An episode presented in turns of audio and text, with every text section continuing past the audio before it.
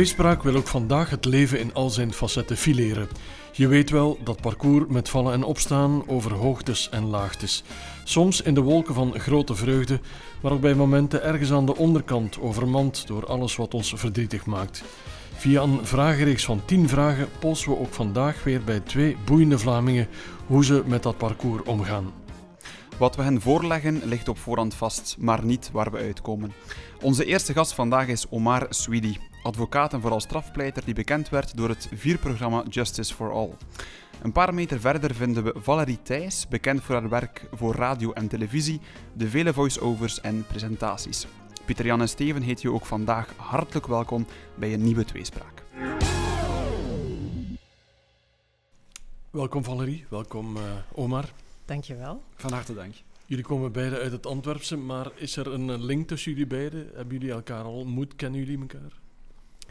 Nee, we hebben elkaar nog nooit ontmoet, maar uh, ik moet eerlijk zeggen, één, ik heb Omar leren kennen dankzij het programma. Ja. Maar anderzijds um, kende ik hem al van op foto's te zien op social media, want mm -hmm. we hebben blijkbaar gemeenschappelijke kennissen, onder andere um, dokter uh, Nele Somers. Ah, kijk eens, ja. aan, kijk eens aan. Uh, waar ik toch een goede band mee heb, enerzijds. En anderzijds, mijn moeder is uh, ondervoorzitter geweest van de rechtbank van Eerste Aanleg, dus ik ben in een juridische familie opgegroeid. Voilà. Grappig toeval. Ja. Ja, ja, voilà. Omar, kende jij Valerie? Wel, uh, niet persoonlijk zoals reeds vermeld, maar uiteraard wel van zien. Uh, ik, ik, kijk wel eens televisie en dan zie ik uh, Valerie zeker en vast verschijnen.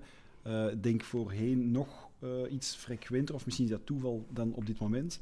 Klopt, ja, ja, ja, absoluut. En zoals Valerie heeft vermeld, is Antwerpen een dorp, dus de gemeenschappelijke vrienden zijn overal. En ja. dan, dan ken je elkaar wel van in een draai, zoals we zeggen. Ja, helemaal. Okay. Komen jullie vaak of ooit in Kortrijk, Omar? Ik moet toegeven, ik kom wel eens in Kortrijk. Uh, wij hebben hier behoorlijk wat rechtszaken lopen. Wij pleiten hier wel eens. Maar um, ik hou ook van voetbal. Ja. Dus als mijn geliefde Antwerp uh, voetbalclub in uh, Kortrijk komt spelen, dan ben ik meestal wel present. In coronatijden helaas iets moeilijker ja. bij te wonen. En ik, um, ik moet toegeven, dat is, dat is niet om uh, hier een beetje um, stroop aan de baard te komen smeren, maar ik, ik hou wel van Kortrijk. Ik vind Kortrijk een heel fijne stad. En ik word hier altijd warm ontvangen. Ook mm. toen ik met Antwerp uh, op visite ben geweest. Dus ik ben blij dat ik jullie uitnodiging mocht uh, verkrijgen. Fantastisch. Ja. Antwerp heeft trouwens Kortrijk in de halve finales van de beker van België uitgeschakeld. En oh. dat ligt nog een beetje zwaar op de maag. maar goed, ja, oké. Okay, daarvan wordt hebben... dit een boeiende podcast, ik voel het. we hebben volgens mij uiteindelijk met die kwalificatie ook wel een, um, een mooie vertegenwoordiging in de finale gekregen. We hebben Club Brugge uh, doen verliezen. Dus dat is volgens mij allemaal mooi verlopen. Het is jullie gegund. Valerie, heb jij een band met deze stad of uh, helemaal niet? Met Kortrijk niet zozeer, wel met West-Vlaanderen. Enerzijds, uh, mijn ex-man komt uit West-Vlaanderen, dus uh, die is in Oostende geboren. Dus mijn kinderen zijn halve West-Vlamingen. En anderzijds werk ik heel veel voor evenementenbureaus hier in de streek. Dus ik kom hier regelmatig voor bedrijven bedrijfspresentaties geven. Dus ik kom wel regelmatig naar West-Vlaanderen, ja. Maar Kortrijk in bijzonder niet zozeer. Oké, top. Ik denk dat wij helemaal warm gedraaid zijn. En ik zou graag beginnen met een eerste vraag. Um, ik zal misschien beginnen bij Omar. Um, iedereen heeft sowieso plekken dat hij of zij heel mooi vindt, dat hij ook kan terugkomen op bepaalde momenten. Um, wat is jouw lievelingsplek, Omar, en wat vind je daar dat je elders niet vindt? Dat is volgens mij ook wel een beetje verschillend in coronatijden dan in niet-coronatijden. Maar in het algemeen is die uh, lievelingsplek niet zo onbekend, denk ik. Ik ben er al een paar keer um, over aan het praten geweest, zowel op televisie als ook in podcasts of wat dan ook. Um, de Carnegie Club in New York. Uh, om precies te zijn, 156 West 56th Street in New York City. Een uh, sigaren- en cocktailbar. Een, um, ja, wat mij betreft een klein paradijsje op aarde een, een plek waar je heel erg veel uh, mensen ontmoet die je nooit eerder bent tegengekomen, maar waar je interessante gesprekken mee kan voeren, waar je kan genieten van een heerlijke uh, sigaar, vergezeld van een uh, prachtig glas whisky. Mm -hmm. En, en even ja, genieten, ontspannen, even aan niets denken, behalve aan um, amusement, leuke muziek en toffe sferen. Mm -hmm. Dat vind ik heel fijn. Mm -hmm. Vind je in België een soortgelijke plek, of moet je daarvoor echt naar de States? Nee, dan denk ik meteen aan de sofa thuis, vergezeld van mijn prinsessen, vrijdagavond naar tv gluren. Dat is volgens mij ook eh, nog veel waardevoller en nog veel kwalitatiever. Dus ik denk dat er eh, zowel in België als in het buitenland zoveel magische plekjes bestaan. En dan denk ik bijvoorbeeld ook aan de Wij van Rock Werchter of uh, Tomorrowlands met mijn beste vrienden en een glas te veel. vind ik ook wel heel erg um, fijn vertoeven. Ja. Valerie, vlieg jij mee naar New York City of heb je toch een andere lievelingsplek? Wel, New York staat in mijn uh, shortlist vijf bestemmingen waarvan ik denk uh, dat zijn de bestemmingen waar ik altijd terug naartoe ga. Um, maar bij mij staat op één Londen. Eén, omdat ik er gewoond heb. Uh, en twee, omdat het voor mij een historisch belangrijke stad is. Het is, verweven met mijn DNA. Um, en, en ik denk, ik, ik ga er ook regelmatig terug. Ik, het wringt nu echt hè, in corona om niet de mhm. Eurostar te kunnen en mogen nemen. Dus dat is, uh, dat is heel moeilijk. Ik ben er ondertussen al iets meer dan een jaar niet geweest. Um, en ik presenteerde uh, gisteren nog een, een, event waar er ook een, ja, een, een Great Britain lover zat. En mm -hmm. dan voel je wel die, die raakpunten. En uh, ja, Londen staat altijd op mijn nummer één, maar er zijn, wel, er, zijn er vijf. Londen en New York zijn mm -hmm. zo mhm. twee bestemmingen. Daarnaast Creta, want Creta met je lief, dat is altijd top. Allee, ik weet niet hoe dat, dat komt, maar dat is gewoon altijd zo. Alle, alle vakanties waren daar tof. Hij is nu niet aan het kijken hoor. Um, en dan uh, anderzijds Nice, omdat mijn ouders daar uh, ook al heel mijn leven naartoe gaan en dat mm -hmm. ik daar van kleinsbeen af uh, mm -hmm. geweest ben. Um, en aan Mallorca, want daar wil ik, uh, maar dat is misschien voor een volgende vraag, mij op ja. terugtrekken als ik mm -hmm. oud en versleten ben. Ja, mooi, mooi. Dat is nog heel lang wachten, hè? Ja. Voor duidelijkheid. Ja, maar uh, mooi eiland natuurlijk. Je noemt allemaal plekken in het buitenland, uh, Nice, Creta, New York, Londen. Heb je in België ook een, een favoriete plek waar je graag bent? Um, om niet in herhaling te vallen, mijn thuis. Ik ben een echte ja. huismus. Ofwel ga ik ver weg, ofwel blijf ik thuis. Uh, ik ja. ben niet zozeer een sociaal voelend iemand. Um, ik, ik, uh, ben, ik krijg heel veel prikkelingen. Ik ben een beetje HSP'er, dus voor mij is het soms net mm -hmm. iets te veel. Mm -hmm. En om op de voetbal te gaan zitten, dat zou ik niet kunnen doen. En daarbij, mijn broer is een grote beerschot van. Oei. Dat was een fijn gesprek, dankjewel. Tot ziens. Dus uh, ja, wij wonen ook vlakbij het Kiel, dus dat, is, dat, is, uh, ja, dat ligt misschien een beetje moeilijk. Maar, uh, ik, ik, kom heel graag, heel graag thuis. Ja. Thuis is mijn veilige plek mm -hmm. en mijn veilige haven. En daar kan in principe heel weinig slecht gebeuren. Ja. Dus. -hmm. in, in hoeverre zijn jullie echte Antwerpenaars? Want ik hoor wel eens zeggen van, van mensen uit Antwerpen dat ze heel verknocht zijn aan hun stad, aan de stad, zeg maar. Zijn jullie dat ook? Ik denk dat ik altijd wel terug zal komen naar Antwerpen, of tenminste een pied-à-terre zal hebben. Hè. Het is, uh, ja, het is de stad in Vlaanderen, durf ik bijna zeggen. En de rest is parking, dat zeggen wij toch? um, maar anderzijds, ja, het, is, is, een stukje van mezelf. Ik ben geboren niet binnen, binnen de wallen, maar net buiten de wallen, in het uh, kindjesziekenhuis uh, um, in Wilrijk. Dus ja, voor mij is Antwerpen heel belangrijk. Het zal altijd een houvast zijn. Maar om nu te zeggen dat ik heel mijn leven daar zal blijven, nee, ik ga ook heel veel naar het buitenland, mm -hmm. naar andere steden, ook in België. Hè. Mm -hmm. Staycations zit daar natuurlijk ook wel voor iets tussen. Hè. Je, je, je land opnieuw leren herontdekken. Maar ik denk dat Antwerpen altijd heel belangrijk zal blijven. Denk dat... Omar, ben jij eigenlijk een echte senior, zoals we dat zeggen? Gelukkig wel. Uh, ik denk dat de plattegrond van Antwerpen in mijn hart staat getatoeëerd. Het is een stad, als je daar geboren en getogen bent, je kan het bijna niet uitleggen. Dat is te charmant, daar zit heel veel humor in, heel veel um, DNA, heel puur, heel, heel um, passioneel. Heel zuiders ook, vind ik. Uh, heel divers. En ik heb in mijn leven in Praag gewoond, een klein jaar. Ik heb um, het geluk van heel veel te mogen reizen. Nu helaas wat minder, maar goed, zo so be it. Mm -hmm. En Antwerpen is toch wel mijn heimat. Uh, mm -hmm. Dat is de stad waar ik, wat mij betreft, altijd uh, heel erg graag opnieuw thuis kom. En voor mij bijzonder belangrijk is. Ik ja. ken toch wel, denk ik, elk straatje, elk hoekje, elk kantje. Um, bijzondere stad. Ja. ja. Je sprak daarnet, uh, Omar, van sociaal contact. Heel belangrijk is. Valerie zei, we mogen op momenteel ook niet veel doen. We nemen deze podcast op in februari. We mogen niet op restaurant. We mogen de grens uh, niet verlaten in principe. Hoe zijn jullie de laatste maanden omgeweest met, of bijna een jaar eigenlijk, mag ik wel zeggen, hmm. met de crisis zelf? Uh, hoe heeft dat een persoonlijke impact gehad op, op jou bijvoorbeeld, Omar? Wel, uh, ik heb, moet ik toegeven, en dat is misschien een beetje vreemd om dat in coronatijden te ventileren, maar ik heb het drukste jaar of de drukste twaalf maanden uit mijn leven beleefd.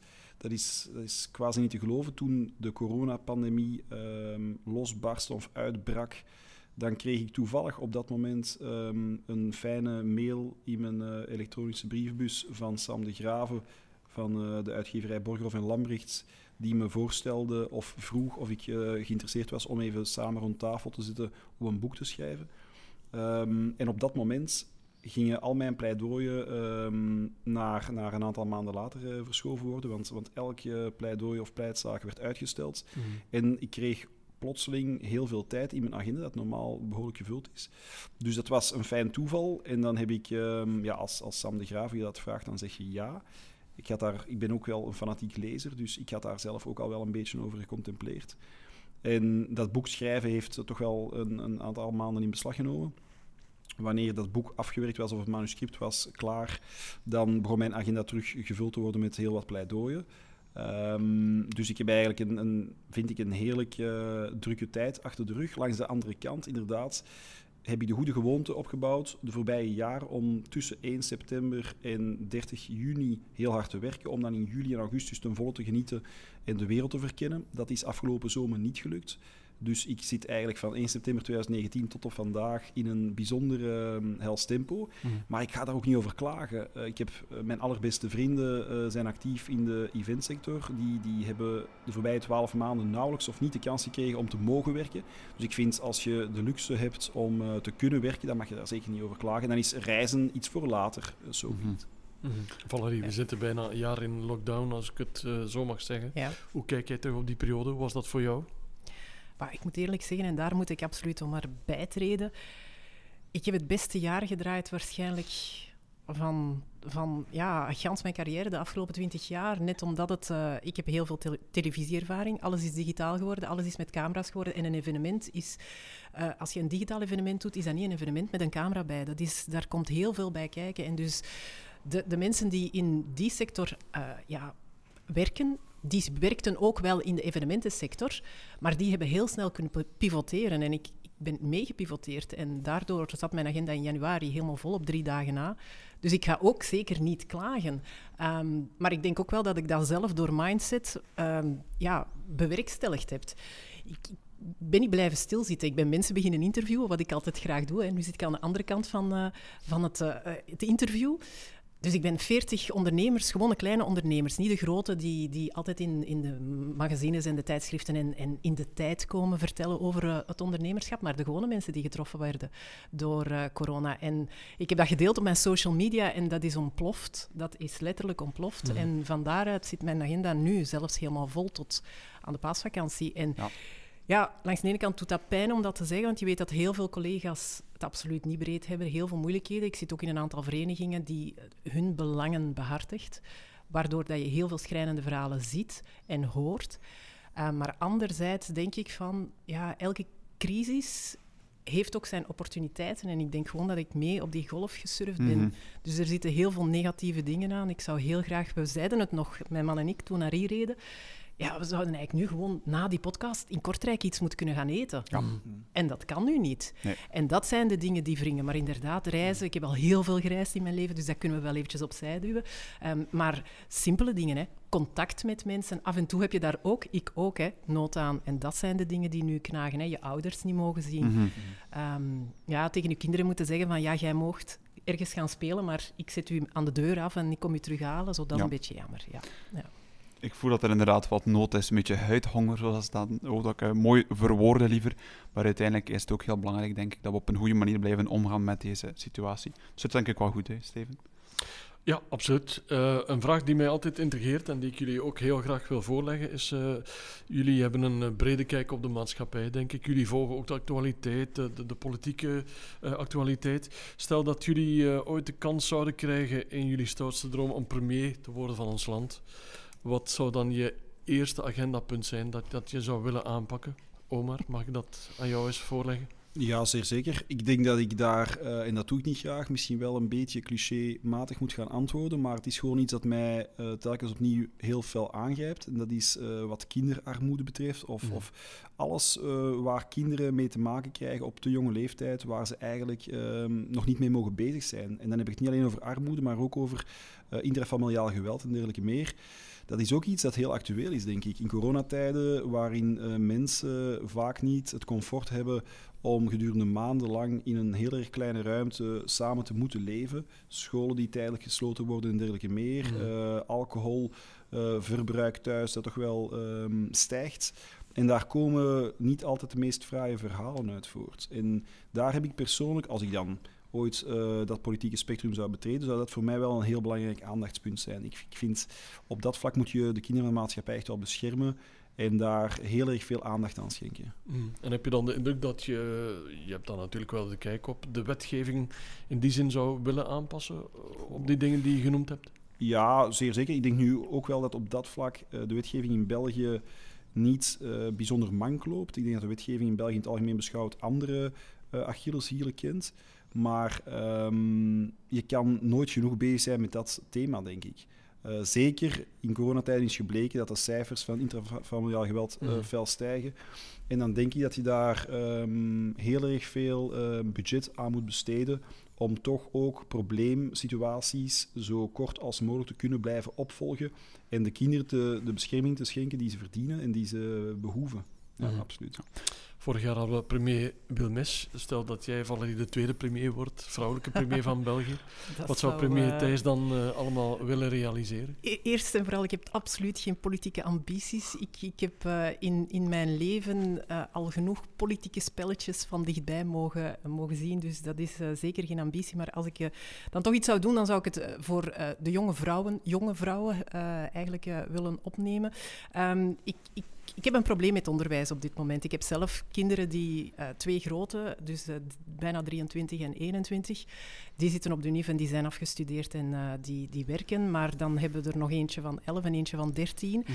En als ik die gasten bezig zie, dan denk ik, ons onderwijssysteem loopt een beetje mank, bereidt ze niet voor op wat dat er echt gaat komen. Dus wij zijn echt wel een gezin dat daar heel hard mee bezig is. Um, wij geven die ook ruimte. Ik ben heel streng opgevoed, dus ik ga zeker dat niet toepassen op mijn eigen kinderen. Maar ik, ik zie vooral um, als, als je bijvoorbeeld inderdaad in crisismomenten zoals de coronacrisis plots jezelf moet heruitvinden, dat wordt allemaal niet aangeleerd mm. aan, aan jonge mensen en aan jonge vrouwen in het bijzonder. En ik heb een eigen podcast, What We Women Want, mm. die echt uh, op feminisme gericht is, mm -hmm. um, waarin we, ik absoluut de, de vrouwen die misschien niet altijd uh, daarvoor openstaan of niet altijd de informatie vinden waar ze, zoek, waar ze waar ze die willen vinden of kunnen vinden. Um, waar ze meer informatie kunnen krijgen over bijvoorbeeld uh, hoe, hoe bouw je een financieel, uh, een financieel plan op, uh, wat, hoe leg je geld opzij, hoe zorg je voor jezelf als je alleen komt te staan. Um, er zijn heel veel dingen die in ons onderwijssysteem niet inzitten en die wij toch nodig hebben. En daarin loopt het al sowieso voor iedereen mank een beetje. Hè? Niet afgespiegeld op de realiteit, maar anderzijds ook niet afgespiegeld op wat meisjes moeten kunnen. Meisjes moeten onafhankelijk kunnen zijn. En uh, ik, ik, hoor jou zeggen, uh, Omar, jouw vrouwen. En dan denk ik van, jij bent dan de ideale papa om dan te zeggen van, ik ga mijn dochter ook stimuleren om er te staan. Hè. Uh, het is maar al te erg dat er vrouwen alleen komen te staan en geen inkomen hebben en niet voor zichzelf kunnen zorgen. En ik denk dat we daar specifiek heel hard aandacht aan moeten spenderen en schenken. Politiek, je zei daarnet, Omar, um, ooit, nam het woordje ooit in je mond, heb je op een bepaalde manier politieke ambities ergens? Of liggen die ver weg begraven? Ik moet toegeven, politiek is wel een um, fenomeen dat mij altijd extreem hard heeft aangetrokken, geïnteresseerd. Um, maar ik denk niet dat ik dat ooit uh, effectief ook zal ondernemen om in de politiek te stappen. Omdat ik um, wat ik de voorbije, laten we zeggen, 25 jaar heb gezien in het politieke landschap in België, dat demotiveert me wel. Uh, ik heb ook het geluk om als advocaat het vertrouwen te krijgen van heel veel politici, van links tot rechts en alles daartussen, um, om hun belangen te behartigen in specifieke dossiers. Ik zie heel veel gebeuren, ook achter de schermen, en dan moet ik toegeven, dat uh, heeft wel een bepaald ontradend uh, effect op mij. Dus ik, uh, ik vind het jammer, want ik denk dat er heel veel nood is aan mensen die dat geïnteresseerd zijn in politiek en daar ook effectief iets constructief willen bewegen. Maar um, ik vind dat op dat vlak België qua organisatie en structuur een heel erg moeilijk land is om politiek een verschil te maken. Ja. Mm. En weegt jouw idealisme, dat hier toch duidelijk naar voren komt in dit gesprekje, dan niet zwaarder door dan het hele structuur dat jou een beetje tegenhoudt? Mm. Dat zal blijken, maar ik zeg het, ik heb, um, ik heb het grote nadeel dat ik in heel erg veel zaken geïnteresseerd ben in het leven. Ik, ben, ik heb te veel interesses en ik heb te veel dromen en ideeën. En ik wil nog zoveel ondernemen. En ik vrees dat mijn leven te kort zal zijn om alles te doen wat ik effectief wil doen. En dan staat politiek niet bepaald helemaal bovenaan de ranking. Nee. nee. Ik zou zeggen, van politiek gaan we naar onderwijs, meer bepaald naar de mooiste les die je ooit in je leven geleerd hebt. Valerie, wat is die les voor jou? Uh, ik denk vertragen. Ik denk uh, echt, uh, mijn leven is voorbij geflitst. Ik ben nu 44 plus 1, want ik weiger te verjaren in coronajaar. En ik, ik, ik zie, met, ik, ik word oud. ik merk dat nu, mijn kinderen worden groter. En dat coronajaar heeft ervoor gezorgd dat je even de stekker eruit moest trekken en dat je wel mhm. moest vertragen. En hoe fijn is dat niet geweest dat je dus aandacht kon hebben voor andere dingen. Ik ben bijvoorbeeld terug beginnen studeren, een nieuwe master aangevat, die hopelijk op het einde van juni afgerond zal zijn in een field of interest die heel nauw bij een van mijn um, ja, uh, werkfields zit, hè. Um, sustainability, aangezien ik als weervrouw altijd gewerkt heb ook. Um, en dus dat vertragen dat was een verplichting. En ik zou dat nooit gedaan hebben en ik zou er ook niet in geslaagd zijn om dat te doen als die coronacrisis er niet was geweest. Mhm. En dat heeft mij heel veel dingen geleerd. Hè. Mhm. Appreciatie voor mijn ouders bijvoorbeeld, waar ik dan minder contact mee heb, maar nu heb je zoiets van, dat zijn de belangrijke mensen in je leven, uw kinderen, uw gezin, alle dingen die plots niet meer mogen. Hè. Ze zeggen heel vaak, als je iets niet meer mag, dan leer je dat appreciëren. Um, dus dat, is, dat, dat vertragen heeft, heeft ja, alleen maar positieve effecten gehad op mijn leven en op mijn mentaal welzijn. En dat heeft ervoor gezorgd dat er nieuwe connecties konden gemaakt worden, nieuwe dingen zijn gekomen. En dat is zo'n beetje van, ja, ik ga... Ik, ik weet nog dat ik helemaal aan het begin van mijn carrière zei, ik heb bij Sabena gewerkt, ik ga vijf jaar vliegen. Als, die, als dat bedrijf niet failliet was gegaan, mhm. na zeven jaar, dan had ik daar waarschijnlijk nu nog gezeten. Dus sommige dingen gebeuren in je leven om je een les te leren. En ik denk dat die coronacrisis niet voor iedereen positief zal zijn, maar voor sommige mensen zal dat een, een moment zijn geweest waarop dat je andere dingen kunt doen en mhm. nieuwe dingen kunt uitproberen. Ja, hopelijk uh, raakt die coronacrisis ooit opgelost? Absoluut, ja. Ga zo je dan snel dat, mogelijk. Ga je dan dat vertragen kunnen blijven volhouden? Of raak je dan het is nu alweer een beetje zoek, hè. ik moet eerlijk zeggen. het is nu al een beetje zoek. Met, uh, december is een superdrukke maand geweest, januari. Ik zeg het, agenda vol tot in april. Dus ik ga... Maar doordat, um, doordat die appreciatie er gekomen is voor al die andere dingen, denk ik wel dat, dat er elementen van gaan blijven. Waarschijnlijk ga ik nog een beetje chasen tegen 100 per uur, maar jullie gingen ook vragen wat we binnen vijf jaar gingen doen. Zeker. En dan is, het voor mij, dan is voor mij gedaan. Dan ga ik op pensioen. oei, oei. Dan ben je 49.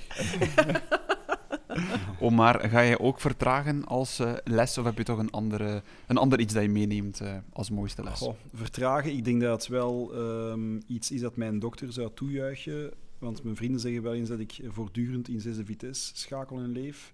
Ik, mijn tempo ligt wel hoog. Tempo ligt wel hoog en ik denk niet dat dat het meest uh, gezonde verhaal is. Maar dat is ook een beetje de aard van het beestje, vrees ik. Ik ben iemand die heel graag vooruit gaat. Iemand die heel erg graag schakelt, om een uh, versleten woord ondertussen te gebruiken. Maar ik denk, als u peilt naar een waardevolle les, dan is volgens mij de meest waardevolle les die ik tot nu toe in handen heb gekregen, uh, het feit dat je niet te snel mag oordelen.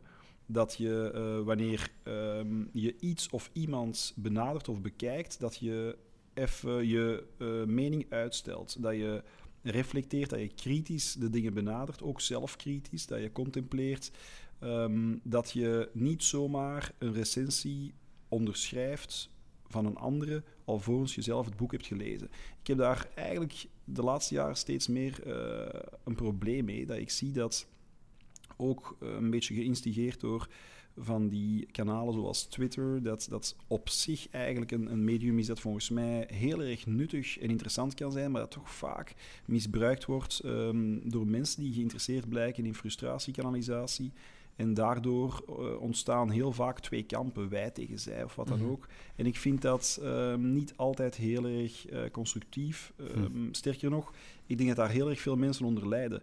Dat heel, uh, ik spreek natuurlijk een beetje vanuit mijn um, beroepssfeer, maar als je kijkt naar dossiers als de zaak Bart de Pauw, dan zie je ook op Twitter dat er kampen ontstaan en dat men bijvoorbeeld nu op die vrouwen heel hard begint in te hakken. En dan denk ik van, potverdorie, wacht nu toch eens even. Eén, als je geen rechter bent die dat dossier in handen krijgt, dan is het volgens mij onmogelijk om zomaar een oordeel te vellen op voorhand.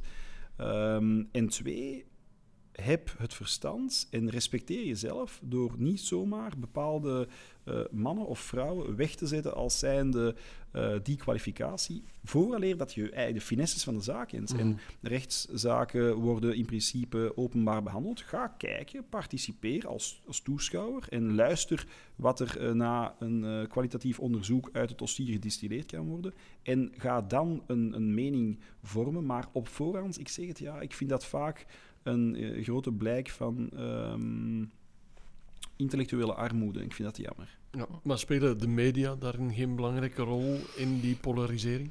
Ongetwijfeld, maar ik denk dat de social media daar een meer vervelende rol in spelen. U, uw vraag is terecht. Eh, media speelt daar een rol in, maar eh, de, de, de media heeft ook nog wel een bepaalde code in principe die ze zouden moeten respecteren. Ik zeg niet dat dat altijd gebeurt, helaas. Ehm, het zou mogen, maar het is, het is utopisch.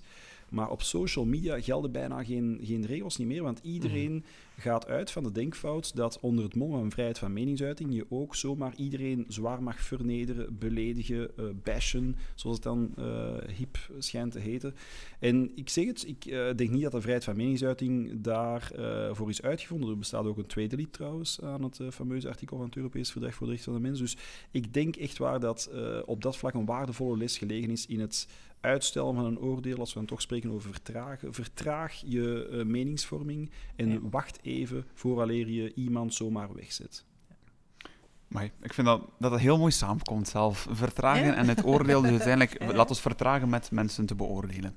Als we dat mogen meenemen. Ik vind dat heel knap, ja. Van mensen gesproken, eh, jullie komen wel eens in contact met mensen eh, waar jullie zelf ook naar opkijken, denk ik.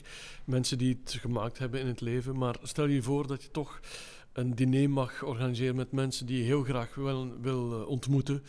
Eh, levend of niet meer levend, of bekend of minder bekend. Wie, wie mag dan aanschuiven op dat droomdiner? Valerie, heb jij zo'n namen? Ja, ik heb een fascinatie voor Leonardo da Vinci, de Homo Universalis. Heel veel interesses, een beetje te veel interesses. Bij mij, mij konden ze niet gemakkelijk wegsteken in een bepaald hoekje. Uh, dat, dat blijkt ook uit mijn curriculum. Hè. Ik heb alles gedaan zoals het niet moest. Waarschijnlijk omdat ik rebelleerde tegen een hele strenge opvoeding waarin mijn ouders mij op 18 twee opties gaven. Namelijk of je gaat TW studeren of je gaat rechten studeren. En ik heb alle twee van elk een jaar gedaan en ik heb er de brui aan gegeven en ik ben gaan werken. Dus ik ben pas daarna terug beginnen studeren. En um, ja, mijn fascinatie voor geschiedenis is er altijd al geweest. Als kind, kind, ik herinner mij mijn eerste spreekbeurt, dat ging over Tutankhamon. Dus ik, ik heb altijd wel iets gehad met geschiedenis. Uh, Londen daarvoor is ook een, een welgekomen stad, omdat daar een hele grote geschiedenis rondhangt. Mm. Um, en dus ja, Leonardo da Vinci is, is het toonbeeld voor mij van je kan van alles zijn. En dat vind ik juist mooi. Je hoeft niet in één richting te gaan. Um, en je, kan ook, je mag ook veranderen. Je mag ook in je leven andere dingen gaan doen. En dus als ik met één persoon eens een keer zou willen praten, samen een, een maaltijd delen, want eten is in ons gezin en in mijn leven heel erg belangrijk, dan zou het met hem zijn. Ja, ongeacht zijn seksuele geaardheid of het feit mm. dat hij een bastaardkind is, dat maakt allemaal niet uit. Mm. We zijn allemaal gelijk. Hè? Ik hoop dat hij dan ook een feminist is. een mannelijke feminist. Um, maar gewoon praten over het leven en over dingen ontdekken en ja. je, de verwondering ook, mm. bijvoorbeeld. Mooi. Ja. Omar, heb jij een uh, ander idee of een andere persoon? Leeft hij bij jou wel nog, of hem of haar? Ik moet toegeven, dat is eigenlijk een vraag die me verrast. Um, maar als ik even spontaan in, um, in mijn gedachten verdwaal, dan, dan denk ik persoonlijk aan de mensen die um, mijn Wall of Inspiration uh, bekleden. Ik heb op mijn kantoor een muur gedecoreerd met allemaal aangezichten van mensen die mij inspireren. Um, en ik denk dat elk van die mensen, dat het wel een heel interessante gedachte is om hen ooit te mogen ontmoeten, ook al is het in de meeste uh, hun geval of toch in sommige uh, interessante profielen niet meer mogelijk helaas. Dan denk ik aan een Amy Winehouse, maar ook aan een Etienne Vermeers. Heel mm -hmm. verschillende mensen, mm -hmm. maar allebei volgens mij op hun eigen manier bijzonder boeiend en interessant. Als we kijken naar uh, de nog levende zielen onder ons, dan vind ik persoonlijk Barack Obama wel een interessante figuur. Ik ben ik heb het al gezegd, geïnteresseerd in politiek, maar eigenlijk nog meer in Amerikaanse politiek mm -hmm. dan in uh, nationale politiek. En ik vind Barack Obama een onwaarschijnlijk fascinerend figuur. Zoals die man uh, de retorica beheerst, zoals die man ook politiek zijn gedachten probeert te vertalen. ehm, en vertelt. Ik, dat, is, dat is een man waar ik volgens mij wel een lunch en een diner mee kan vullen. Ja. En als je zelf achter de kookpot staat, Omar, wat zou je klaarmaken voor Barack? Ehm, ik moet toegeven, ik, ik, kook graag, maar ik kook veel te weinig. Dat zal het waarschijnlijk mijn fameuze coco vin zijn, die ik wel graag uh, bereid. Uh, maar ik weet niet of Barrack hem zou, zou uh, degusteren. Ja. Dat weet ik niet. En jij, Valerie? Ben jij een favoriet gerecht dat je zou klaarmaken voor Leonardo? Goh, ik ga hier nu iets zeggen. Ja, niet, niet zo meteen. Um, ik denk dat ik hem een goede een goeie bolo zou voor een goede bolognese. Een, lang, een goeie, ja. met hoeveel groenten in, hoeveel kaas. Zoals dat je dat bij P-klak gaat ja, eten. ik wou het juist zeggen. Ik wou het juist zeggen. In de voilà, patatenzak. In de patatenzak, Dat is nu wel voilà. echt onwaarschijnlijk. Ik eigenlijk plots trek in. Ja. ja. Ideaal. Laat ons zeggen dat we van eten naar iets gaan dat je misschien ook met eten uh, kan um, combineren. En er is een guilty pleasure. Iedereen heeft normaal gezien toch een guilty pleasure. Hoeft op zich niet met eten te maken te hebben, maar dat kan wel. Valerie, heb jij een, bepaalde, een bepaald iets dat je eigenlijk niet wel of een beetje schuldig over moet voelen? Uh, dat we mogen weten. Um, zolang ik uh, rechtschapen ben, voel ik mij nergens over schuldig. Dat heb ik geleerd met ouder te worden. Um, vroeger stelde ik heel veel dingen in vraag hè, en, en, dacht ik van ik moet zo zijn of zo zijn. Mm-hmm. Waarschijnlijk komt dat door een groot stuk door de opvoeding. Ik was de oudste thuis, mijn moeder was rechter, ik moest al, mijn vader was advocaat. Ik moest altijd zo het mooie voorbeeld. Ik weet nog dat mijn moeder zei van ja, mijn collega, vroeger als ik begon te werken in de media, ja, mijn collega's die komen over u vertellen, wat heb je allemaal wel niet gezegd in de gazet? En dan dacht ik zo van ja, okay. en ik voelde mij daar dan schuldig over. Dus ik, heb dat, ik doe dat nu niet meer. Dus um, als ik zin in iets heb, dan doe ik dat gewoon. Nu gaat dat iets minder. Maar um, ik heb een enorme grote voorliefde voor pralines. En ik eet ook um, pralines recht voor mijn kinderen. Mm. Zij mogen daar niet aankomen, dat zijn die van mij. Ik koop er altijd wel op voor hen. Um, maar dat is een guilty, guilty pleasure. Ja, de pralines van Neuhaus, ik heb verdoken reclame gemaakt. Ja. En een bepaalde voorkeur van pralines dan? Ja, ja de, de trapezekjes. Daar, kan ja. ik, en daar, daar ga ik, denk ik, één keer per maand toch twee volledige zakjes van halen. En uh, dat, is, dat is een beloning voor mij. En mm-hmm. dat geeft mij ja, een ongelooflijk warm, leuk, fijn gevoel. Mm. Ja. Ja. Maar het heeft, bij mij is guilty pleasure altijd wel iets met eten. Eten ja. is heel belangrijk in mijn en leven. Als je er te veel van gegeten hebt, voel je je dan schuldig, guilty of, of helemaal niet? Nee, want ik kan daar... Uh, ik, ik, denk dan van... Ik moet mijn man niet meer verleiden, ik moet er nog wel goed uitzien, maar die paar kilo's op mijn heupen, dat pakt die er wel bij, voilà. Uh, nee, ik voel mij daar helemaal niet schuldig. Ik voel mij zelfs niet schuldig dat ik tegen mijn kinderen zeg van, je mocht daar niet van eten, dat is voor mij. Nee, nee op zich. Ik, ik, werk keihard, ik doe van alles voor hen. Ik, ik, uh, en dan denk ik van ja, oké, okay, dat is dan mijn dingetje. Ja. Omar, is het ook chocolade bij jou of is het toch een totaal andere guilty pleasure? Ik moet u wel groot gelijk geven trouwens, ik vind dat fantastisch gezegd. Um, wat, wat mij betreft, ja, ik heb ooit een interview gegeven aan Knak en de titel was Ik sta heel guls in het leven. En dat omschrijft het wel een beetje. Ik, sta, ik, ik, ik neem het leven heel erg graag vast en dat impliceert ook alle leuke dingen die ons uh, kunnen omringen, waaronder een, een heerlijk bord, een lekker glas wijn. Um, en, en guilty pleasure, ja, als je daar naar peilt, ten aanzien van een strafpleiter, het woord guilty staat niet in mijn woordenboek. In principe is het not guilty. Maar, uh, Iedereen is onschuldig ja, enzovoort. Zo is dat, zo is dat. Maar waar ik, uh, als je daarop alludeert, wel spontaan aan denk, dan gaat het over het goed gesprek. Want ik, ik hou echt van een goed gesprek mm-hmm. tussen liefst eigenlijk twee mensen, vrienden of onbekenden, maakt niet uit vergezeld van een, een lekker bord en met zekerheid een, een goed glas wijn. En wat ik dan ook heerlijk vind, is als je eigenlijk plant om het um, kort te houden, want je hebt de dag nadien nog iets te doen of wat dan ook, en dat je toch uiteindelijk zegt van, weet je wat, we gaan nog een flesje opentrekken. Of nog een glaasje inschenken. Dat vind ik eigenlijk de leukste moment. Dan verdwaal je ook een beetje in een, in een lichte roes. Je bent niet dronken, maar je verdwaalt in een lichte roes van uh, vriendschap en waar je ook uh, spontaan eerlijkheid kan onderschrijven en etaleren. En dat vind ik mooie momenten. Ja. Dus als je dan spreekt over guilty pleasures, dan denk ik daaraan. Mm. Lichte roes, dat doet mij ook denken aan die voetbalsupporters die door dolle heen zijn als een ploeg wint.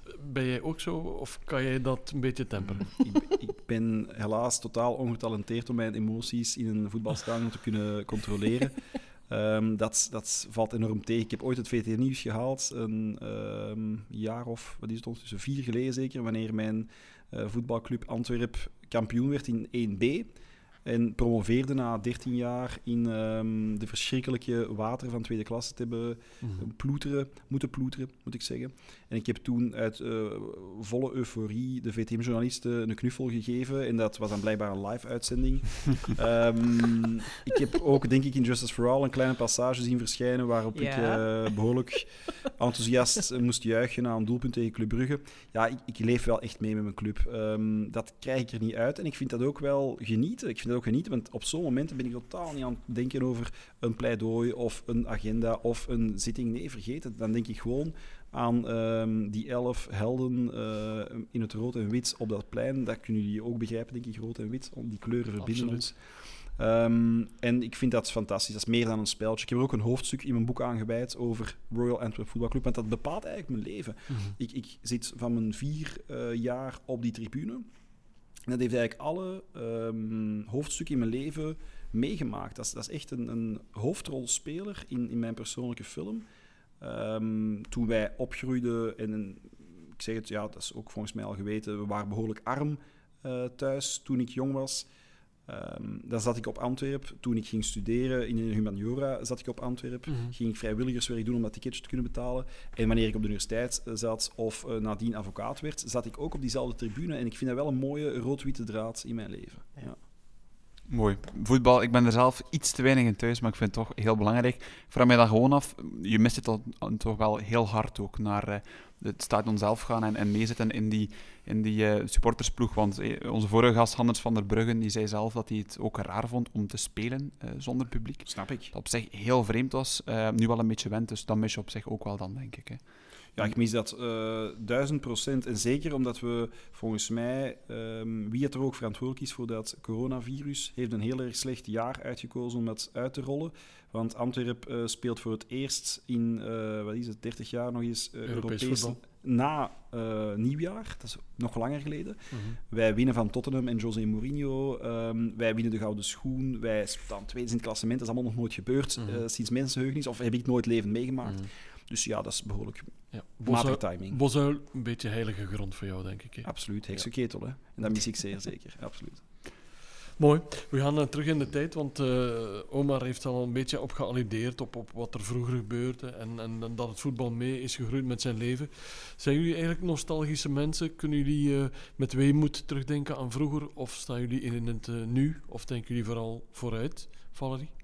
Ik denk een beetje van alles. Dat hangt er een beetje vanaf waar je mee geconfronteerd wordt. Als ik zie naar mijn kinderen, dan denk ik, ik word oud. En dan eh, heb ik absoluut niet de gedachte van, vroeger was het beter. Zo ben ik echt helemaal niet. Ehm, elke tijd heeft zijn voor- en nadelen. En als ik dan nu naar mijn kinderen zie, dan denk ik van, zoveel potentieel. Ik zou terug 15 willen zijn en van alles doen en terug opnieuw beginnen en het anders doen en bepaalde dingen wel en niet doen en uitproberen en niet luisteren naar wat andere mensen gezegd hebben dat ik moest doen. Zo PMS en CLB's en zo van die dingen. Oh, ik gruwel er nog altijd van. Ehm, dus het is een mengeling van alles. Ik ben eh, qua mindset heel sterk, vooruitdenkend. Hop met de geit, we gaan ervoor, we gaan erdoor. Ik heb genoeg dingen in mijn leven meegemaakt die ervoor gezorgd hebben dat ik eh, eh, heel pessimistisch en kwaad en verdrietig had kunnen zijn. Maar dat heb ik niet. Dat zit niet in mij. Dat is waarschijnlijk de Congolese roots die erin zitten. Het Afrikaanse continent. Dat ondanks armoede, ondanks van alles en nog wat, toch elke keer terug recht staat en eh, vooruit gaat. Dus mijn mindset is heel erg gericht op eh, vooruitgaan. Ik zit heel erg in het nu, dus ik geniet nu ten volle van het feit dat ik hier zit vandaag. Maar langs de andere kant kan ik ook met weemoed terugdenken aan hoe het vroeger was en wat we vroeger allemaal uitgespookt hebben en gedaan hebben. En hoe het werk anders was en hoe we anders we eruit zagen. En langs de andere kant denk ik van, vroeger heb ik mij veel te veel zorgen gemaakt om van alles en nog wat ik eigenlijk niet had moeten doen. Ja. maar echt eh, alleen maar nostalgisch zijn, nee. Het is een, het is een wirwar en een mengeling van alles. En als je bladert in fotoalbums, welk gevoel eh, komt er dan aan boven? Jezus, mijn mama schoor mijn haar af. Tot mijn 15 had ik gemillimeterd haar, want ja, Afrikaans haar, dat mag je niet... eh, dat is niet gemaakt om te lang te zijn en te groeien. Dus dat is de enige grote... zwaard van Damocles dat altijd zo boven mijn kop hing. Zo van, ja, je moet, uh, je moet haar laten knippen. Dus ik kijk niet zo graag naar mezelf vroeger. Ik was niet zo tevreden over mijn uiterlijk. dat bleek achteraf allemaal nergens voor nodig te zijn. Maar uh, ja, als ik, als ik terugdenk aan vroeger, dan denk ik ook wel langs de ene kant, het was niet beter, het was anders, maar wij hadden veel minder zorgen. Wij konden mm. ook veel meer dingen doen. Als ik nu naar mijn kinderen zie, die zitten zo, soms te veel in hun hokje en dan moet je die eruit trekken. En dat probeer ik ook heel, heel sterk te doen. Niet te veel op schermen te zitten, met nog met elkaar praten. Wij eten ook elke avond allemaal samen. Dat is iets dat vaststaat. Daar ontsnapt niemand aan. Heilig moment. Heilig moment. Wij praten ook met elkaar. Nu is dat wat moeilijker met tieners, maar we proberen toch. Hè. Ehm, maar ja, vroeger, vroeger was het anders. En, en dat, dat waren ook super, super tijden. Mhm. Want ik, ja, als kind was ik echt onbezonnen. Ik ben echt, uh, als ik 18 was, ik kende niks in het leven. Ik was rood verwend. Ik was, um, alleen rot niet, maar ik was heel erg verwend. Ik heb mij nooit zorgen moeten maken om financiële dingen. Ik heb nooit nagedacht over 500 frank uitgeven of niet. Ik moest ook niet gaan werken. Ik, dus ja, dat was, dat was een ideale situatie. Ja. En als ik dat nu zie en ik zie de wereld nu, dan ben ik een ander soort ouder dan mijn ouders toen waren. Omdat ik weet dat er veel mensen zijn die dat niet hebben. En dus ik apprecieer dat en ik wil hen dat ook doorgeven. Mhm. Maar ze moeten ook moeite doen voor bepaalde dingen te krijgen. En, en ja, dat vind ik wel belangrijk. Ja, ja. Nostalgie en uh, Omar, gaat dat samen? Of is dat toch iets uh, dat niet echt volledig matcht?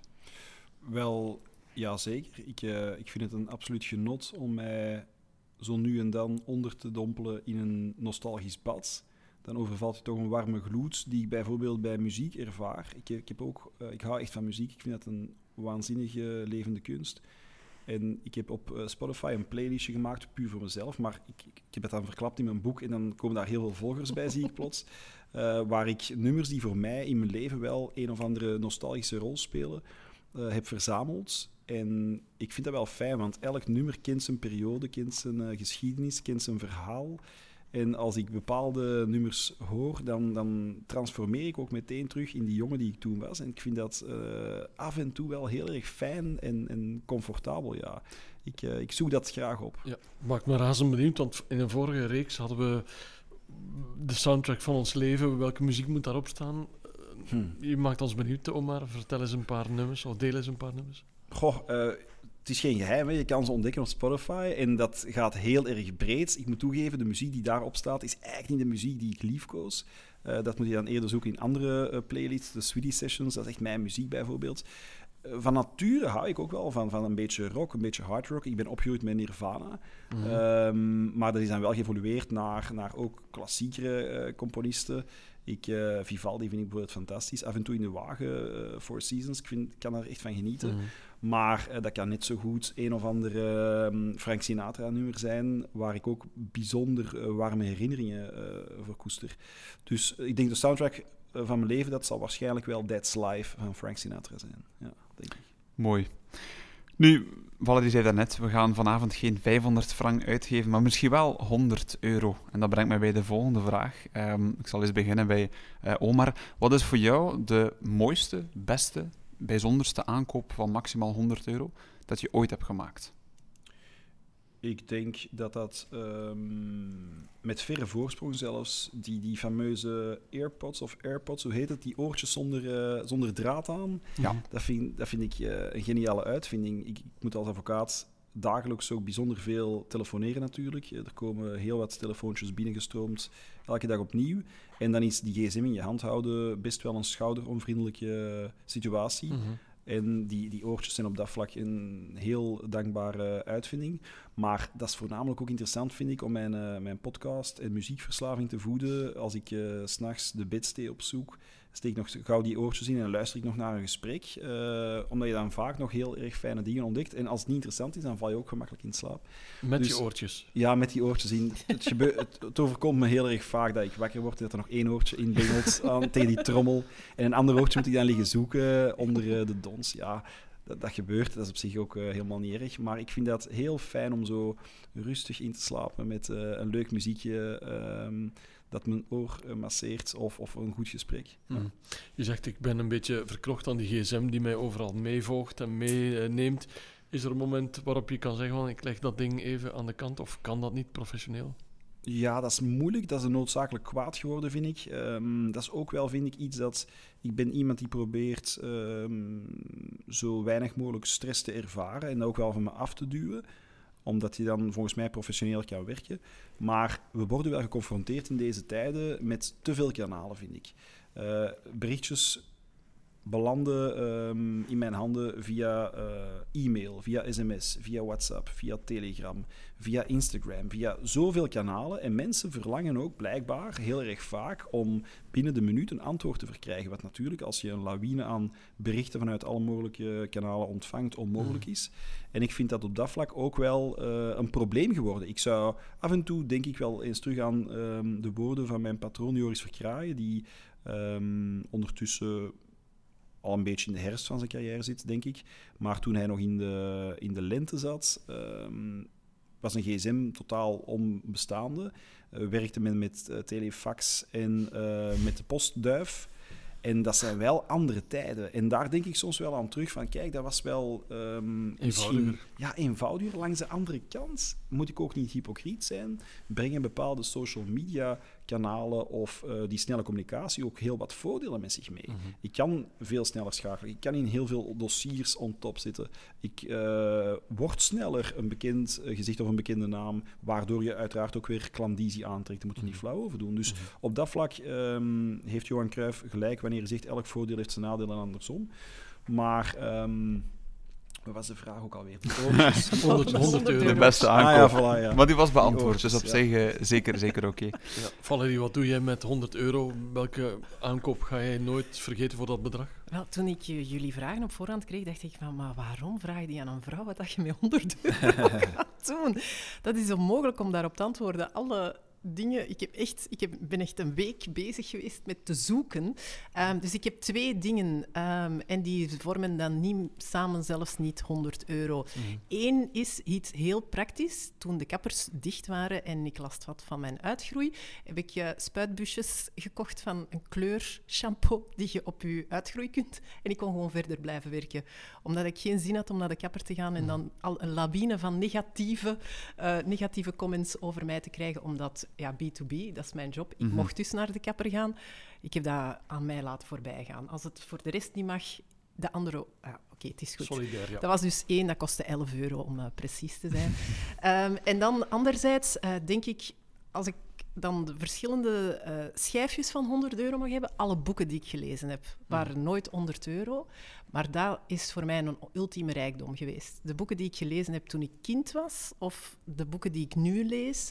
Um, boeken is een verslaving voor mij. Ik koop ook nog altijd boeken om het papier, om het te ruiken, om het vast te hebben. Um, ik heb een enorme boekenkast. Ik weet niet hoe ik dat ooit in mijn leven ga moeten verhuizen, of wat dat daarmee gaat gebeuren. Ik vind dat eigenlijk heel een beangstigende gedachte, dat mijn kinderen, die nu eigenlijk heel veel op e-readers lezen en, en, of naar luisterboeken luisteren, dat die dan niet uh, gaat daarmee gebeuren? Gaan die dat ja, naar, uh, naar een of andere, uh, ik weet niet, ik weet niet, containerpark. Nee, ik mag er niet aan denken, dat containerpark.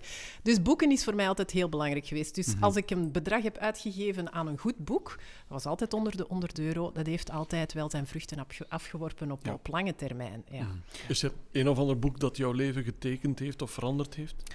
Um, ik ben een grote fan van Baudelaire um, en zijn uh, uh, in de Pleiade-reeks, dat is, een, dat is een, reeks van hele mooie, um, ja, lederen boeken die, uh, die, die je eigenlijk vroeger in, in mijn gezin cadeau kreeg op belangrijke momenten in je leven. Met je communie. Met, en dus er is een, in, in het Pleiadeboek is er een boek uh, met alle gedichten van Baudelaire. En Luxe Calme Volupté, c'est l'invitation uh, au voyage.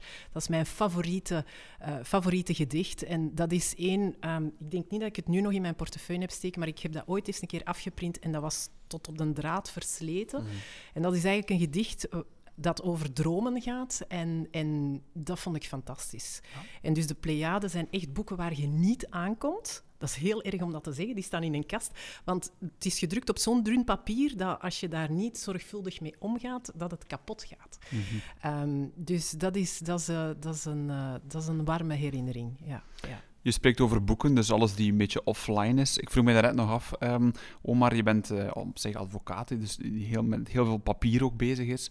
Zat dat een beetje haaks op jouw digitale aanpak, zijnde van toch overal op aanwezig te zijn? Het is soms moeilijk om nog in zo'n, tot zeggen, met alle respect, oudere structuur uh, terecht te komen.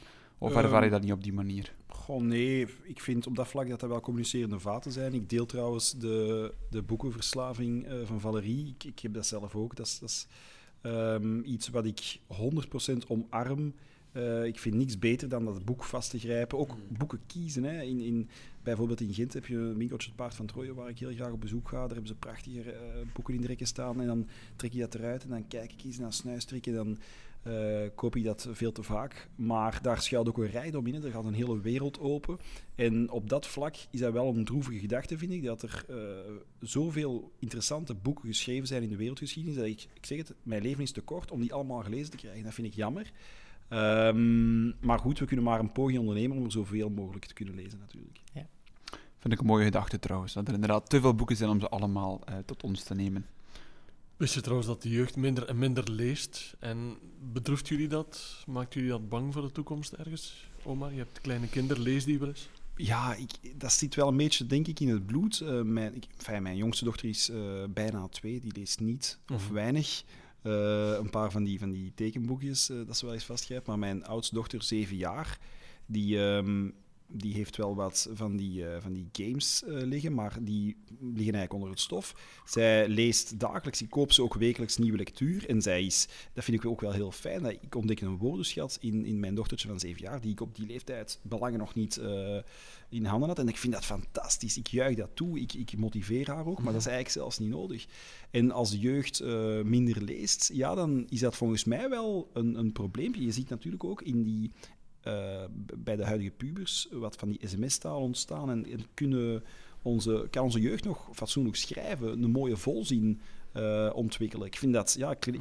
klinkt een beetje als opa spreekt, maar ik vind dat toch echt wel belangrijk. Mm En lezen is daar natuurlijk um, de meest waardevolle gereedschapskist in, mm om die jeugd niet alleen uh, liefde of gevoel voor taal bij te brengen, maar ook inzichtontwikkelingen, inzichten te creëren. Omdat hoe meer mensen lezen, volgens mij, hoe meer mensen een evenwichtige houding kunnen, um, kunnen bekomen ten aanzien van topics die toch wel moeilijk zijn of complex mhm. lijken. Mhm. uh, ik, ik, probeer in elke podcast waar ik te gast ben mensen te motiveren om zoveel mogelijk te lezen. Ik moet wel um, ootmoedig toegeven, dat klinkt misschien arrogant, maar naar aanleiding van het boek dat ik heb geschreven, krijg ik dagelijks echt heel erg veel berichten van mensen per e-mail, Instagram. Ik heb er vandaag nog eens op Instagram gezet, denk ik. Van mensen die zeggen van, wauw, ik heb je boek gelezen en ik geniet er echt van. En die dan ook aan mij vragen, welke boeken kan je nog aanraden? En dan kom ik met Stefan de Gans zijn, uh, zijn boek af, bijvoorbeeld, dat ik ook mhm. fantastisch vond. Ik vind lezen is echt wel een groot deel van de oplossing voor vele problemen. Mm ja. Om maar altijd over pubers die niet meer lezen. Je hebt twee pubers in huis. Hoe zit dat bij jullie? Eén leest wel en de andere leest niet. En dat is een grote frustratie, maar ik probeer dat niet uit te werken op haar. Ze is dan ook nog een meisje, dus ik kan mij er helemaal niet in herkennen. Maar ja, ze pubert ook vroeger dan alle andere kinderen die ik ooit al in mijn leven heb meegemaakt. Dus ik hoop dat het van voorbijgaande aard zal zijn. Um, nu, uh, ik, ik vind het heel belangrijk dat kinderen lezen. Inderdaad, taalvaardigheid begint met te lezen. Ik moest als kind lezen in het Frans, in het Nederlands en in het Engels. Dus de, het feit dat ik zo taalvaardig ben, komt echt wel omdat ik uh, ja, jaren aan een stuk niks anders gedaan Er was ook veel minder om te doen, hè. laat dat mhm. heel duidelijk zijn. We hadden veel beperktere hobby's en zo. Ja, het internet bestond nog niet. Het internet bestond nog niet en er waren nog geen gsm's die u konden afleiden. Dus als je thuis was, um, dan zat je meestal... Ik zat meestal in een hoekje met een boekje. En uh, mijn ouders kochten ook gewoon heel veel uh, boeken. Wij, hebben heel veel tijd in knokken doorgebracht uh, tijdens mijn jeugd. En daar was er Kolman, de boekwinkel daar. En, en ik weet nog dat wij, als wij zondags naar daar gingen, die was ook zondags open, dat wij daar naartoe gingen en dat we dan Franse boekjes mochten kiezen. Um, ik ben opgegroeid met de Dolle Tweeling. Uh, ik ben opgegroeid met de club, de, de, de, de club van de Vijf. Dus ik heb altijd al die avonturen, al die dingen die je meegemaakt hebt. Ik, ik, ik beelde mij een hele wereld in. Ik denk dat ik dat nu zelfs nog heb. Hè. Het feit dat ik zo'n een, een levendige uh, verbeeldingskracht heb en dat ik dingen kan bedenken die gaan gebeuren, komt om omdat je zo rijk bent geweest om al die impulsen te krijgen. Mhm. En dan, ja, dan denk ik van, ik hoop dat mijn dochter dat dan gaat herpakken. Mhm. Ehm, maar als ik anderen kan overtuigen om te lezen, net zoals eh, Omar zegt, ja, dat vind ik dan ook fantastisch. Heel Ja. belangrijk. Ja, de oorlijke tweeling, Pieter Jan, zegt je dat? Niet meteen eigenlijk. Is, zoals we Dat is al een Dat stukje is uit, de vorige, uit de vorige eeuw. Ja, Ja, voilà. van de- voor mijn tijd De. Club van de Vijf, dat brengt bij mij ook heel veel nostalgie eh, Ja. teweeg. Dus dat, dat zijn, boeken kunnen ook nostalgische effecten sorteren. Ik denk, Steven, dat we hier ook misschien twee fantastische eindredacteurs vast hebben. Misschien wel de eindredacteur van alle kranten nationaal van ons land. En jullie mogen morgen, heel eigenlijk flexibel, laten we zeggen, één quote drukken aan de op de voorpagina van al die kranten. Eénzelfde quote. Wat wordt die quote voor jou, Valerie? Ehm, wel, het is geen quote van mij. Het is een quote van Jules Verne, in het Frans dus. Ehm, en het, eh, het, eh, de quote gaat als volgt. Tout ce qui est possible, dans la limite du possible, doit et sera réalisé. En dat is voor mij een leidmotief. Want alles wat mogelijk is en alles wat kan, zal ooit gerealiseerd worden. Eh, en dat geeft ook heel veel hoop. Dat geeft heel veel hoop. En ik denk dat mensen nu vooral hoop nodig hebben. Ehm, in uitzichtloze tijden, voor veel mensen ja, zit, het, zit het ver tot boven. Hè. Voor mij ook, maar ik kan dat nog plaatsen, denk ik. Misschien ook omdat ik een hele brede kijk heb op de wereld en dat je wel weet dat die situatie eindig is. Maar sommige mensen zitten inderdaad enkel en alleen op social media. En dat is nog hun enige uitlaatklep. En dan krijg je bagger en dat soort dingen. Dus ik denk dat ehm, ook op wetenschappelijk niveau. ehm, ik ben heel erg met klimaat en, en duurzaamheid bezig. Ik weet dat er heel veel mensen zijn die non-believer zijn over het feit dat we afstevenen op een ramp met onze planeet. Ehm, dus ik, ik moedig iedereen aan om de dingen te doen die we nodig gaan hebben. Eén, om hoop te creëren, maar ook om vooruit te gaan als maatschappij en als samenleving. En iedereen kan daar zijn steentje bijdragen. Groot of klein, oud of jong, eh, of je nu wetenschapper bent of niet. Hè. Eh, we stevenen af op een maatschappij die heel erg gedigitaliseerd is. Eh, artificial intelligence is niet iets waar we angst van moeten hebben. Dat zal ons helpen, maar dat zal nooit een menselijke factor die geen enkele machine kan reproduceren. Hè. Machines werken op nulletjes en op eentjes, op ja en op nee. Dat zal nooit gereproduceerd zijn. Dus wij worden niet obsolet. Alleen de vraag is, gaan wij onszelf obsolet maken door onszelf uit te roeien? Eh, en dan denk ik dat we echt mensen nodig hebben die op alle niveaus, op alle mogelijke manieren, ehm, over alle takken van de maatschappij, de wetenschap, het juridische, iedereen moet samenwerken om naar iets te creëren dat een, een hoopvolle toekomst zal zijn voor iedereen op deze planeet. Mm. Wauw. Vandaag hebben we weer een eh, nieuw record gebroken qua temperatuur in februari. Maakt je dat ook een beetje angstig? Eh, dat maakt mij zeker angstig, omdat, ik, eh, omdat het onvoorspelbaar is. Eh, niemand had gedacht, tien dagen geleden, dat we met deze temperaturen zouden zitten. De weermodellen zeggen dan wel, kondigen dat aan, maar het moet nog bewaarheid worden. Hè. We kunnen heel, soms heel moeilijk op, op twee, drie dagen tijd al gaan zeggen hoe het weer eh, eruit ziet. Er zijn ook eh, ja, factoren die, die plots kunnen opkomen. Ehm, maar inderdaad, klimaatop, klimaatopwarming is... ehm, ons number one problem. Hè. Nu moeten we allemaal zorgen dat we gevaccineerd geraken. Ehm, maar klimaatoplossing, eh, een klimaatprobleem oplossen, dat is iets van langere adem en we mogen daar niet te lang mee wachten. Eh, want dan is het onomkeerbaar. En het is onomkeerbaar. Waarom beangst- beangstigt het mij? De natuur gaat zich reguleren op de een of de andere manier, met of zonder ons. En ik denk dat daar voor vele mensen de ogen moeten opengaan. Hè. We krijgen meer pandemieën, we krijgen meer stormen, meer overstromingen. De natuur is aan het terugvechten. Hè. Er zijn al ijstijden geweest. Dus, en toch zijn we dan terug in een, normaal, in een normale eh, stroom geraakt. Maar de, de planeet is sterker dan wij mensen allemaal samen. Dus dat boezemt mij angst in, dat we het niet meer gaan kunnen controleren.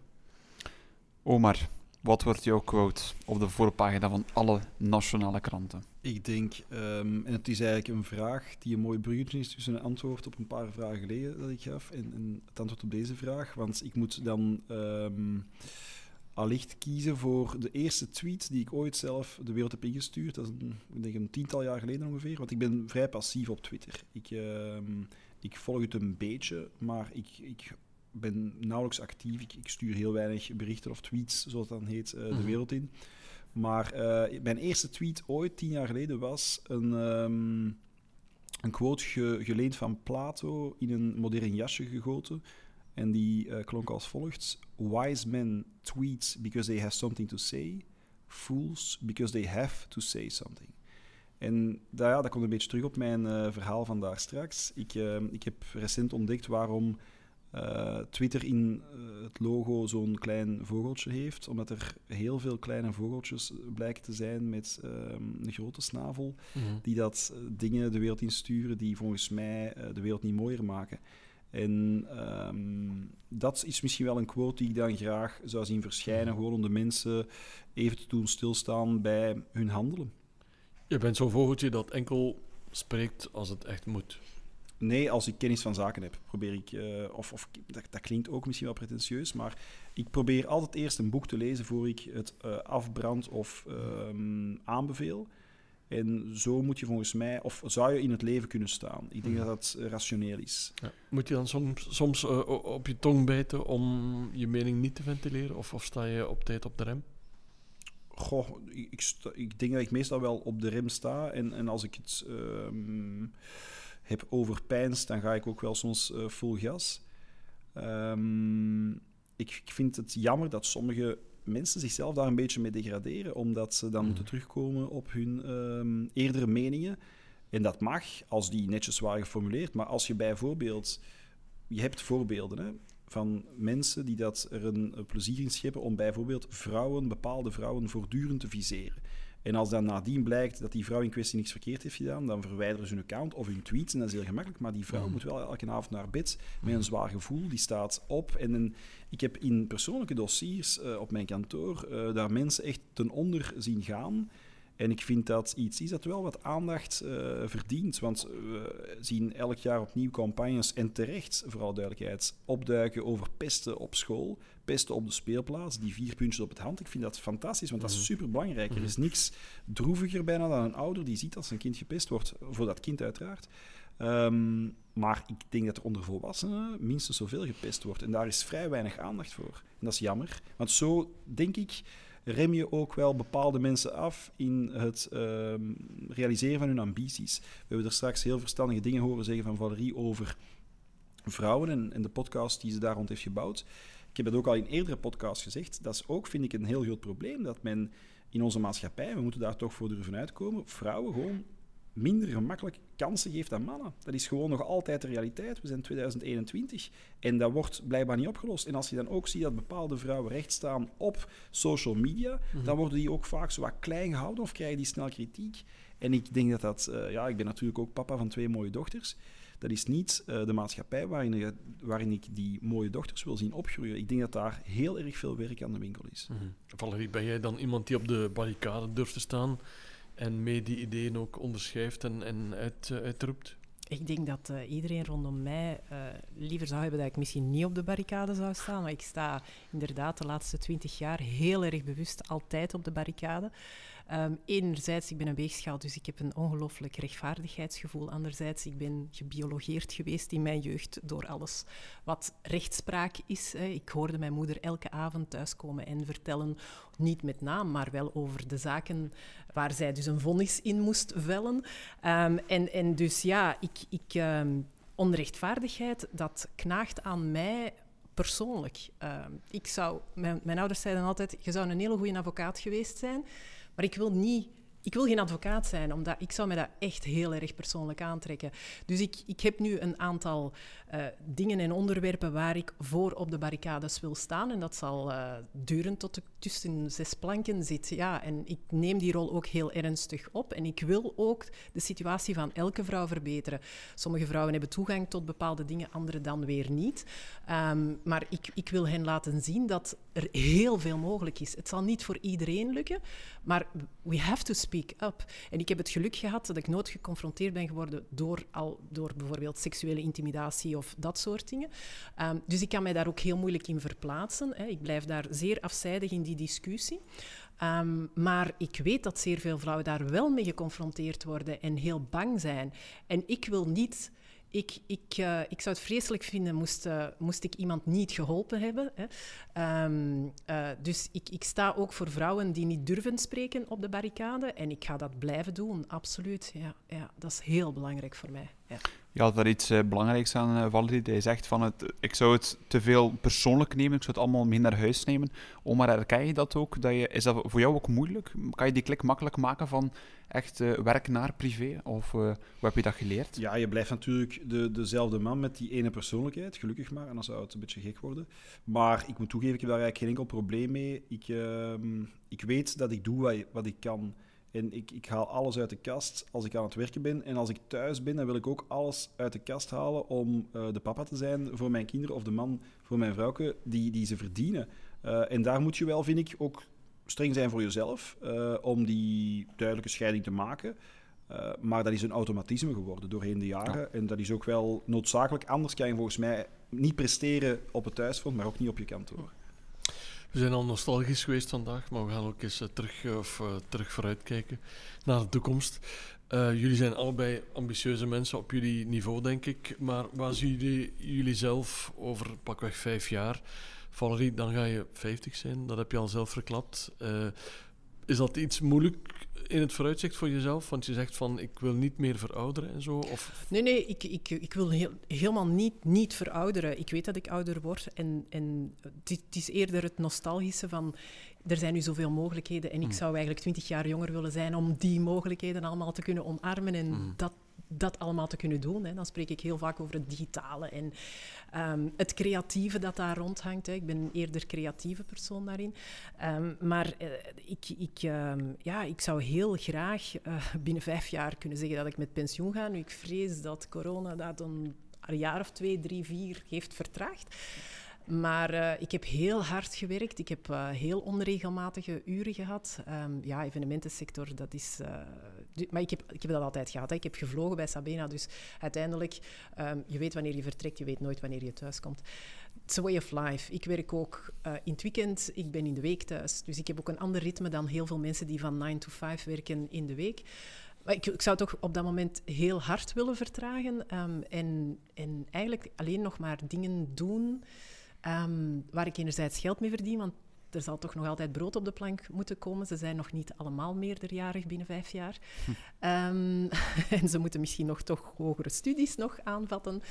Uh, maar, maar in ieder geval niet meer um, wel kunnen delegeren. Wel mm. kunnen zeggen aan mensen van oké, okay, ik moet niet meer zelf alles doen. Mm -hmm. uh, en, en de leuke dingen doen. De podcasts nog opnemen als audio nog de next big thing is uh, in, in, uh, binnen vijf jaar. Mm -hmm. um, veel reizen, maar met een minder grote ecologische afdruk. Daar ben ik mij ook heel erg van bewust dat dat een, iets is dat ik, een oefening die ik zal moeten doen. Maar vooral genieten van de dingen waar ik nu soms veel te vluchtig over ga. Mm. Uh, veel koken ook. Um, gewoon het rustiger aandoen. Mm. Ik apprecieer de kleine dingen in het leven. Uh, die, maak, die, die maken dat ik wie, wie ik ben wat ik allemaal meegemaakt heb. Ik heb geen grootse plannen, maar uh, als we tot ons 67ste moeten werken, ik zie dat niet echt zitten. Heel eerlijk. Nee. Want ik, ik, ging net zeggen, geen spectaculaire dingen op die bucketlist van jou, hè? Nee, geen spectaculaire dingen, omdat ik al heel veel dingen die op mijn bucketlist stonden heb kunnen doen. Um, en ik ben van mening, ik heb geen plan. Ik ben iemand die nooit een plan heeft. Um, als ondernemer is dat natuurlijk niet goed, hè. je moet een businessplan hebben. Mm -hmm. Maar door mijn positieve mindset en de kansen die ik altijd gegrepen heb in mijn leven, ben ik wie geraakt waar ik nu sta. En daarin ben ik een zondagskind. Ik heb ook mijn deel miserie gehad, een echtscheiding en al de miserie die -hmm. daarbij komt kijken, een faillissement, al de miserie die daarbij komt kijken. Maar op de een of andere manier ja, gaat het altijd goed en blijft het gewoon doorlopen? Ik hoop dat dat blijft gebeuren. Mm. Uh, en, en ik zou gewoon willen dat ik uh, op dat moment dan kan zeggen van oké, okay, ik hoef niet zozeer meer dingen te doen.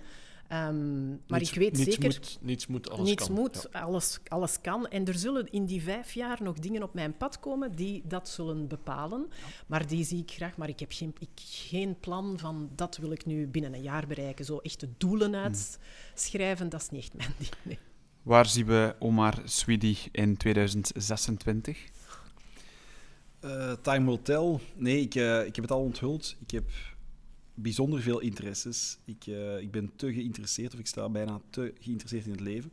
En als ik dat evalueer, dan eh, moet ik kijken naar de plannen die ik nu aan het maken ben. Ehm, professioneel wil dat impliceren dat ik eh, wel wat meer tijd in mijn geliefde New York wil doorbrengen. Ik heb daar ik heb, ben strafpleiter, maar ik ben ook actief in het mediarecht en entertainmentrecht.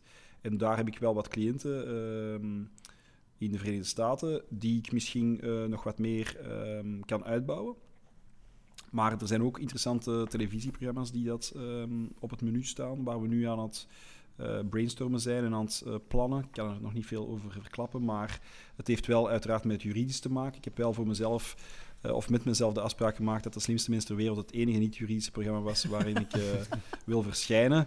Dus dat is passé composé en, en, in de toekomst zullen de programma's wel zuiver juridisch getint zijn, maar volgens mij ook wel heel creatief. Um, een kleine tip van de sluier? Dat -hmm. mocht, hè? Nee, dat gaan we nog niet kunnen doen. Maar ik, ik, ik, het, wordt wel, het wordt wel interessant, denk ik. Het wordt wel interessant, denk ik.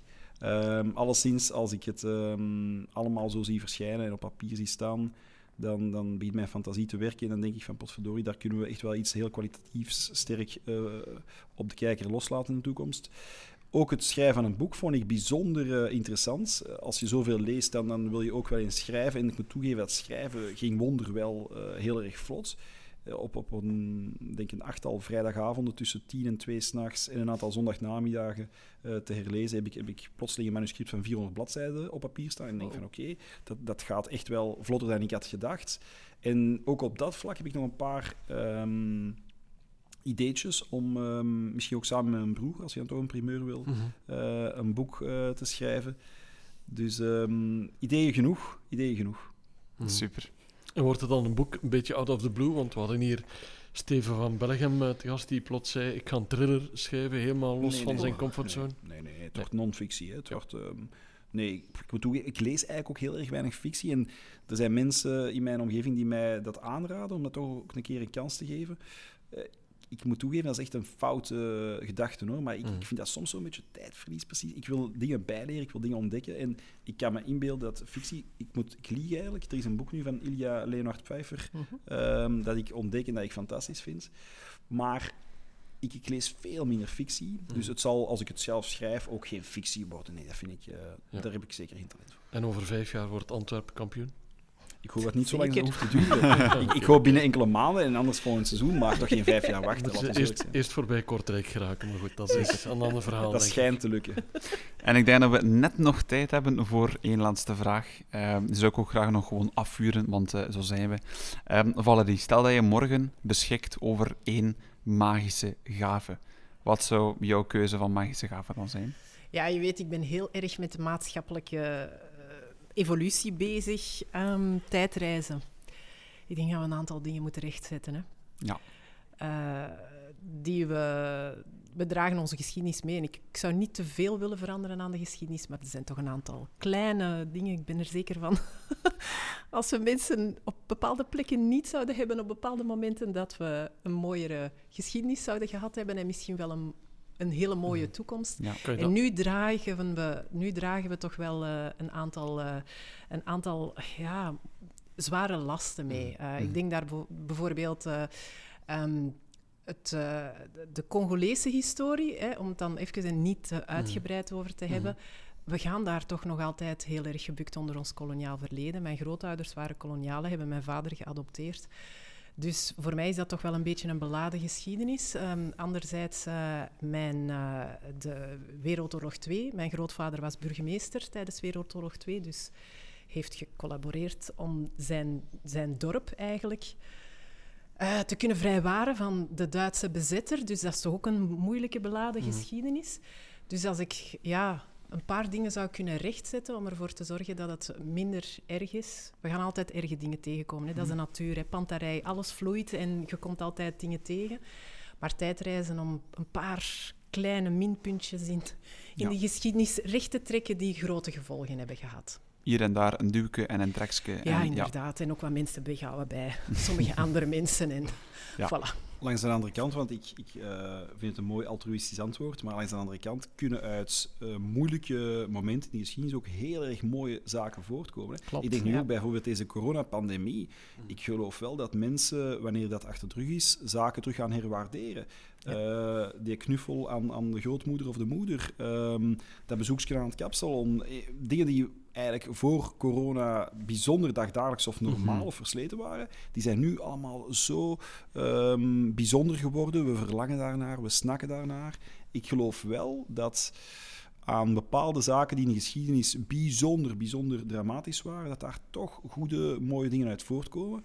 Dus ik weet niet of het al... Sommige dingen zijn extreem en hadden beter nooit plaatsgevonden. Ja. Maar ik denk dat we daar eh, voorzichtig in moeten zijn. Mhm. Eh, en gelet op het altruïstische antwoord van Valerie, zal ik misschien een beetje een egoïstischer antwoord formuleren. Dan denk ik wel voor mezelf effectief ehm, een of andere eh pilletje slik of een gave eh, creëren, waardoor ik eh, mijn brein voor 100% kan aanspreken. En bijvoorbeeld binnen het jaar al die boeken kan lezen die ik ehm, Ja. wil lezen. eh, talen leren, want ik zou ook graag bijvoorbeeld Italiaans vlot spreken, maar daar heb je allemaal niet veel tijd voor. Piano spelen, andere instrumenten ontdekken. Ja, er, er is zoveel. Hè. En, en dat zou wel fijn zijn, moest je die gave hebben om dat sneller te kunnen realiseren. Een beetje het eh, Lucy-verhaal. Ik weet niet of je de Ja, film Lucy, Lucy, gezien ja. hebt. Ja, eigenlijk Limitless Ja. meer nog. Ah ja, voilà. Limitless Ja. met Bradley Cooper. Eh, Ik heb hem onlangs nog eens zien Ja. verschijnen. Eh, daar denk ik dan wel aan. ja. Maar ik dacht dat nu eerlijk ging zeggen, Omar, dat je kon teleporteren bijvoorbeeld. Dat je eigenlijk in een Ja. vingerknip in New York zat en terug. Ja, klopt. Want het is toch wel even vliegen ook, hè, naar daar. eh. Op dit moment mee, nog hè. wel. Valt eigenlijk mee. Acht uur en je wordt in de watten gelegd. Ja. Dat valt allemaal goed mee. Eh, maar dat is ook steeds aan het inkorten. Hè. En je hoort Mm. allemaal, of je leest in The Economist nu ook eh, berichten van, van op één uur met een eh extreem ehm, vliegtuig. Dus het- Ja. in de toekomst, ik denk, we gaan dat nog meemaken. We gaan dat nog Ja. meemaken, maar ook die reis daar naartoe vind ik eigenlijk een part of the, of the trip. En, en ik geniet daarvan. Ik ben iemand die heel graag vliegt, bijvoorbeeld. Ja. Ik geniet daarvan. Even me-time, die telefoon wegleggen. Gewoon, is prachtig. Top. Als het van Elon Musk afhangt, gaan we misschien binnenkort allemaal veel sneller naar New York dan. We zijn aan het einde van deze podcast gekomen. Eh, we zijn er doorgevlogen. Het is een boeiende reis geworden met verhalen die ons Mhm. overal een beetje gebracht hebben. Hoe kijken jullie zelf terug op deze reis, eh, Valerie? Ja, ik, ik was zeer vereerd hè, dat ik hier mocht zijn, want uiteindelijk stel ik meestal de vragen en eh, moeten mensen dan een antwoord geven. Dus Mhm. het was een andere oefening. Het is ook eens fijn om niet over jezelf te praten als zijnde van wat heb je allemaal bereikt in je leven. Dat komt Ja. ook heel vaak in kunnen, interviews. dat kunnen mensen op Dus was- Wikipedia lezen ook. Ja, inderdaad. Dus het is, het is fijn om eens wat atypische vragen te hebben. Mhm. Het was ook heel fijn om, om eh, Omar eh, te leren kennen via de antwoorden hè, op, op de vragen. Want inderdaad, ik zie hem nog altijd staan als hij aan het roepen was met de golen eh, die gescoord werden eh, in het eh, televisieprogramma.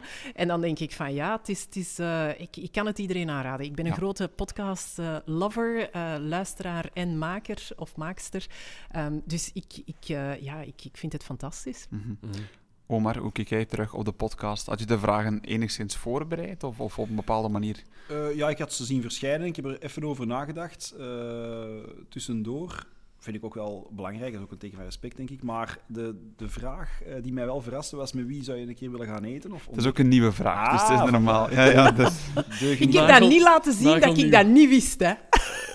ze konden het inderdaad niet zien. Nee, het is een nieuwe vraag, Nee, dat. Dat Nee, klopt. maar als jullie eh, peilen naar mijn gevoel bij deze reis, eh, of de podcast die we zo net hebben mogen beleven, dan denk ik, zoals elke leuke, boeiende reis, was veel te kort. Ja. En we verlangen naar meer, maar we kunnen volgens mij nog heel veel eh, nieuwe podcasts van jullie ontdekken binnenkort. Er Zeker. al heel wat beluisterd, dus eh, het was interessant. Super. We hebben toch een mooie primeur meegekregen, vind ik zelf. Er komt een boek van Omar en zijn broer. Ooit. En bedankt ook eh, aan Valerie, want het was eh, zeer interessant wat we vandaag allemaal hebben mogen ontdekken. Ja, en ik vond overal dat we moeten vertragen in mensen oordelen. Dat is toch ook een hele belangrijke. Pieter Jan, dankjewel voor deze reis. Zeker, Steven bedankt ook. En ook aan onze gasten, hartelijk dank om hier eh, aanwezig te zijn vanavond. En tot tweespraak. Tot tweespraak. Dank u wel. Dankjewel.